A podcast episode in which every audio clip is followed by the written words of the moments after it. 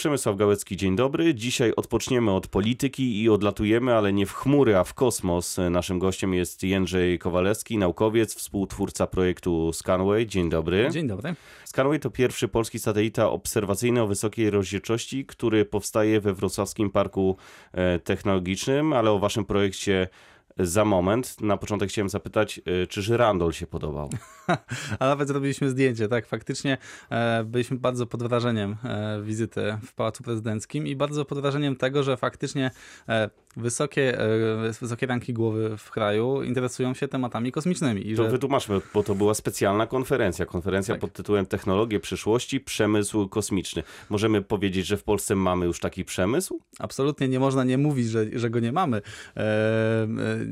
Nie można mówić, że go nie mamy. Faktycznie przemysł kosmiczny w Polsce istnieje, ma się dobrze. E, mamy kilka bardzo dobrych firm, które naprawdę za chwilę będzie o nich głośno. Ja nie będę mówił nazwy, ale naprawdę za chwilę choćby polska flaga zatknięta na Marsie będzie. E, bardzo mała, nie taka jak w programie Apollo na Księżycu, ale będzie niewielki polski akcent, e, bardzo ważny w pewnej misji na, Księży- e, na Marsie. To jest wszystko... Coś możemy o tym projekcie powiedzieć, bo od razu zabrzmiało tajemniczo i fantastycznie. Oczywiście nie jest to, nie jest to nasz projekt. E, e, W amerykańskiej sądzie e, Insight będziemy mogli zobaczyć polski akcent urządzenia, które będzie wbijać się w, w czerwoną planetę. I to już niedługo, już za miesiąc faktycznie, więc o tych wszystkich rzeczach mówiliśmy w Pałacu Prezydenckim. Znaczy, można było je zobaczyć, prezydentowi zostały zaprezentowane. Również my, jako firma Scanway, pokazaliśmy nasze najnowsze osiągnięcia i też osiągnięcia, o których było już głośno rok temu, czyli e, kosmiczną wietarkę. Zaraz do tego dojdziemy. Ja jeszcze o tych liczbach chciałbym Mhm. powiedzieć, bo pan mówi o tym, że przemysł kosmiczny absolutnie mamy. Świadczą o tym też liczby.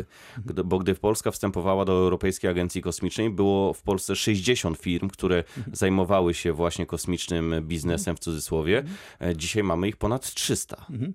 Zarejestrowanych firm jest faktycznie 300. E, Jakby teraz jeszcze zrobić taką, e, takie sito pod kątem tego, kto faktycznie robi projekty z ESO, kto faktycznie robi rzeczy, które mają styczność z tym, co leci, albo e, coś już ściąga dane z orbity, to jest ich około 30-40 firm.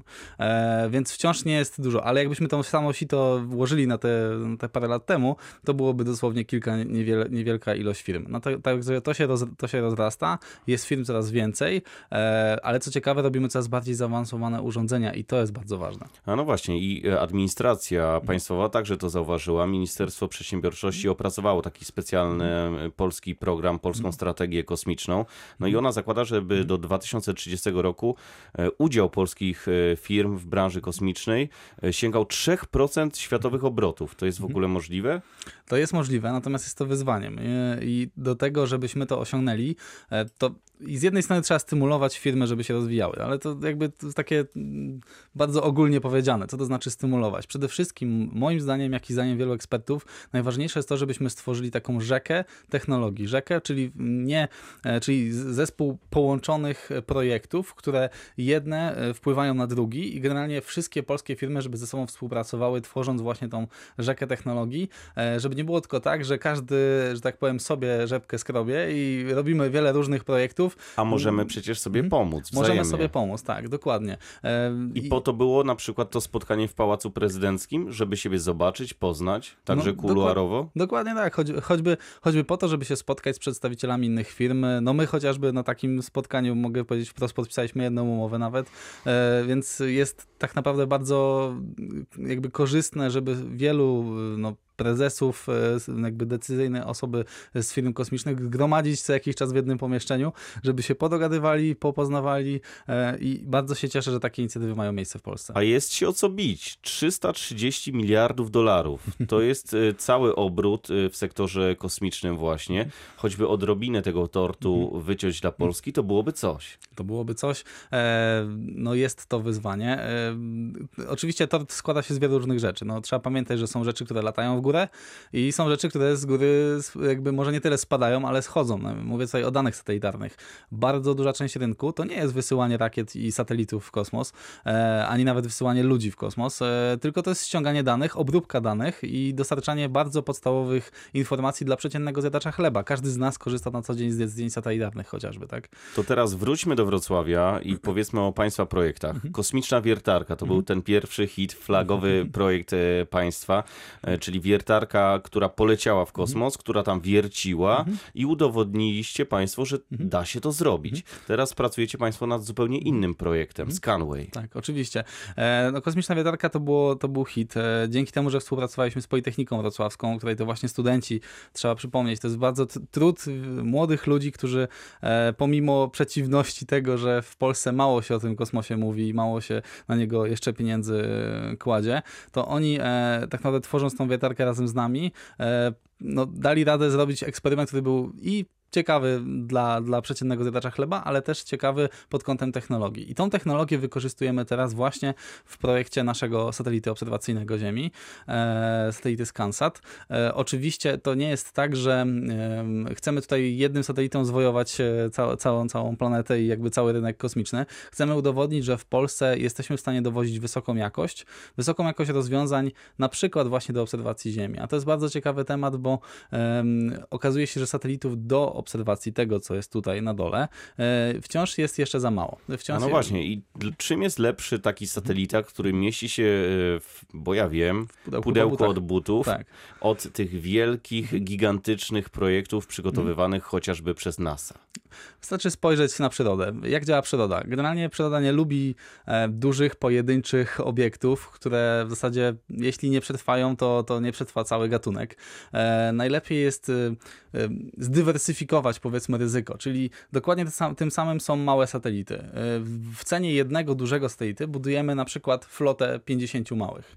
I to jest cała idea. E, one nie mają takich rozdzielczości i takich e, wyników jak te największe, natomiast cały czas je gonią i to jest coś, co niedługo będzie już, będzie, będziemy w stanie je prześcignąć. Czyli cały czas jakość bardzo dobra, a z drugiej strony zasięg i skala dużo większa niż Jak, pojedyncza sztuka. Dokładnie tak. Zresztą bardzo istotnym e- elementem e, jakby pracy takiego satelity jest to, jak często on potrafi spojrzeć na to samo miejsce na Ziemi.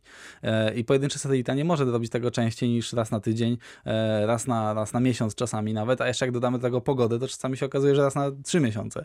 E, Jeśli mamy tych satelitów bardzo dużo na podobnej orbicie, to one będą cały czas skanować tą Ziemię, tak jak skanować będzie ją ScanSat e, i w zasadzie idea jest taka, żeby tych satelitów w jak najmniejszej cenie było jak najwięcej. One nie muszą mieć wcale takiej rozdzielczości jak te największe, aczkolwiek to, do czego my dążymy, to już jest naprawdę duża rozdzielczość i coś, co faktycznie nie wszyscy nam wierzyli na samym początku, No właśnie, da. pamiętam jak rozmawialiśmy rok temu, Mhm. e, państwo przyszliście do mnie do studia e, z takim e, wydrukiem 3D, tak. jak to będzie wyglądało. Minął rok, na jakim jesteście teraz etapie?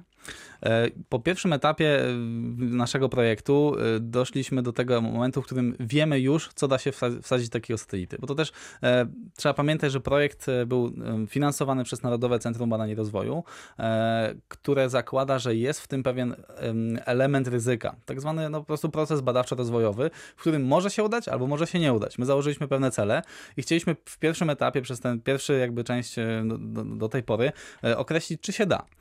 I się okazuje, że się da, że, że potrafimy w tak małym obiekcie zmieścić teleskop, bo to jest bardzo ważne, że to jest serce całego satelity, teleskop, który będzie patrzył nie w gwiazdy, a w Ziemię i będzie potrafił dowieść rozdzielczość na poziomie kilku metrów na piksel. Em, To jest y, no, w, skali światowej spotykane, ale tylko u najlepszych. Teraz my udowodniliśmy, że się da. e, I, Czyli e, można powiedzieć, że państwo jesteście już po takich pierwszych testach. tak, jesteśmy po pierwszych testach. Oczywiście nie jest to docelowe urządzenie, które za chwilę teraz pakujemy i wysyłamy w kosmos, tylko jesteśmy po pierwszych testach, e, które zostały zrobione na urządzeniach, które mają dokładnie te same rozmiary i, i parametry, te, te same, po prostu tej samej rozmiarów lustra, soczewki, które będą do zaadaptowania do satelity. I udowodniliśmy to, sprawdziliśmy to na bardzo, powiedzmy, tym, co da się zrobić z Ziemi, tak? Czyli wycelowaliśmy w coś, co jest na górze e, w kosmosie, żeby zobaczyć, czy tą rozdzielczość jesteśmy w stanie udowodnić. No i niezwykle ciekawe jest to, że ten sensor, sensor który trafi do e, państwa satelity, ma umożliwić obserwację powierzchni Ziemi e, w bardzo szerokim spektrum światła. Co to oznacza? W zasadzie to nie jest jeden sensor, to jest cała, cała grupa czujników, które będą mogły gromadzić światło, zarówno te widzialne, które widzimy gołymi ocza, e, go, go, gołym okiem, e, natomiast też będziemy mogli zobaczyć e, pasmo podczerwone. E, to, czego dla, dla, oko ludzkie nie jest w stanie wyłapać. E, I to jest bardzo ważny aspekt e, naszego projektu, bo okazuje się, że diabeł tkwi właśnie w tej podczerwieni, że tak powiem. I to są konkretne terminy. Mhm. Konkretne terminy. Bo to jest konkretna dotacja, rekordowa Tak. zresztą e, w historii. Państwo otrzymaliście, to nie jest tajemnicą, 2,5 miliona złotych Mhm. z Narodowego Centrum Badań i Rozwoju i nikt nigdzie nie otrzymał tak wysokiej punktacji jak państwo. Znaczy, e, czy, czy faktycznie nie, nie otrzymał, to może, to może za dużo powiedziane. Natomiast byliśmy faktycznie wysoko ocenieni jak na projekty w ogóle kosmiczne, e, które były w Narodowym Centrum Badań i Rozwoju, to faktycznie bardzo, bardzo wysoko, chyba faktycznie najwyżej. E, Nie no, wiem, dobrze, wiem, że pan to powiedział, ja nie musiałem poprawiać. Tak jest. I dlatego to są konkretne terminy. Mhm. Konkretne terminy. Musimy się e, do końca przyszłego roku e, zmieścić z modelem e, inżynierskim takiego satelity. Co to znaczy? Z modelem, który faktycznie będzie stał na stole. Nie, będzie, nie będzie zrobiony z komponentów, które nadają się już do pracy w przestrzeni kosmicznej, ale będą spełniały dokładnie te same e, parametry. E, chodzi o to, żeby udowodnić nam, ekspertom i całemu światu, że mamy we Wrocławiu na stole urządzenie, które jeśli zmienimy tylko kilka komponentów, to faktycznie możemy wysłać w kosmos i, e, i, i, i faktycznie dowieść e, zdjęcia satelitarne e, naszej Ziemi.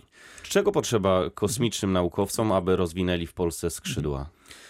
Są Mówiliśmy już o tej rzece, która jest Tak jest. niezbędna, jako takie Tak. know-how. A Tak. oprócz tego? Mhm. Oprócz tego musimy przede wszystkim, no tak myślę, można powiedzieć wprost, my jako społeczeństwo musimy zrozumieć, że tematy kosmiczne y, to nie jest magia, tak? To nie jest nic, co jest nieosiągalne, że o tym możemy tylko obejrzeć w filmach y, amerykańskich, e, że to są rzeczy już z przeszłości, już w zasadzie wszyscy nas przegonili i się nie da. Absolutnie tak nie wolno myśleć. Musimy myśleć o tym, że będziemy budować malutkie cegiełki, które będą latać na Marsa, e, na Tytana, na Księżyce Saturna, Jowisza, e, bardzo daleko w kosmos, e, być może na Księżyc niedługo, bo takie też plany są powrotu na Księżyc w Europie i na świecie.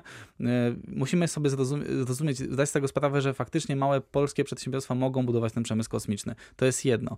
Druga rzecz to jest, jakby musimy też przekonać inwestorów, sektor prywatny, że ten przemysł kosmiczny faktycznie się zwraca i że wraz z rozwojem tego rynku polskie firmy, które zaczynają swoją drogę w, w tematach kosmicznych, będą się razem z tym rynkiem rozwijać, jeżeli zwiększać swoją wartość. No niestety, taki jest rynek, że trzeba pokazać, e, jak to wszystko wzrasta.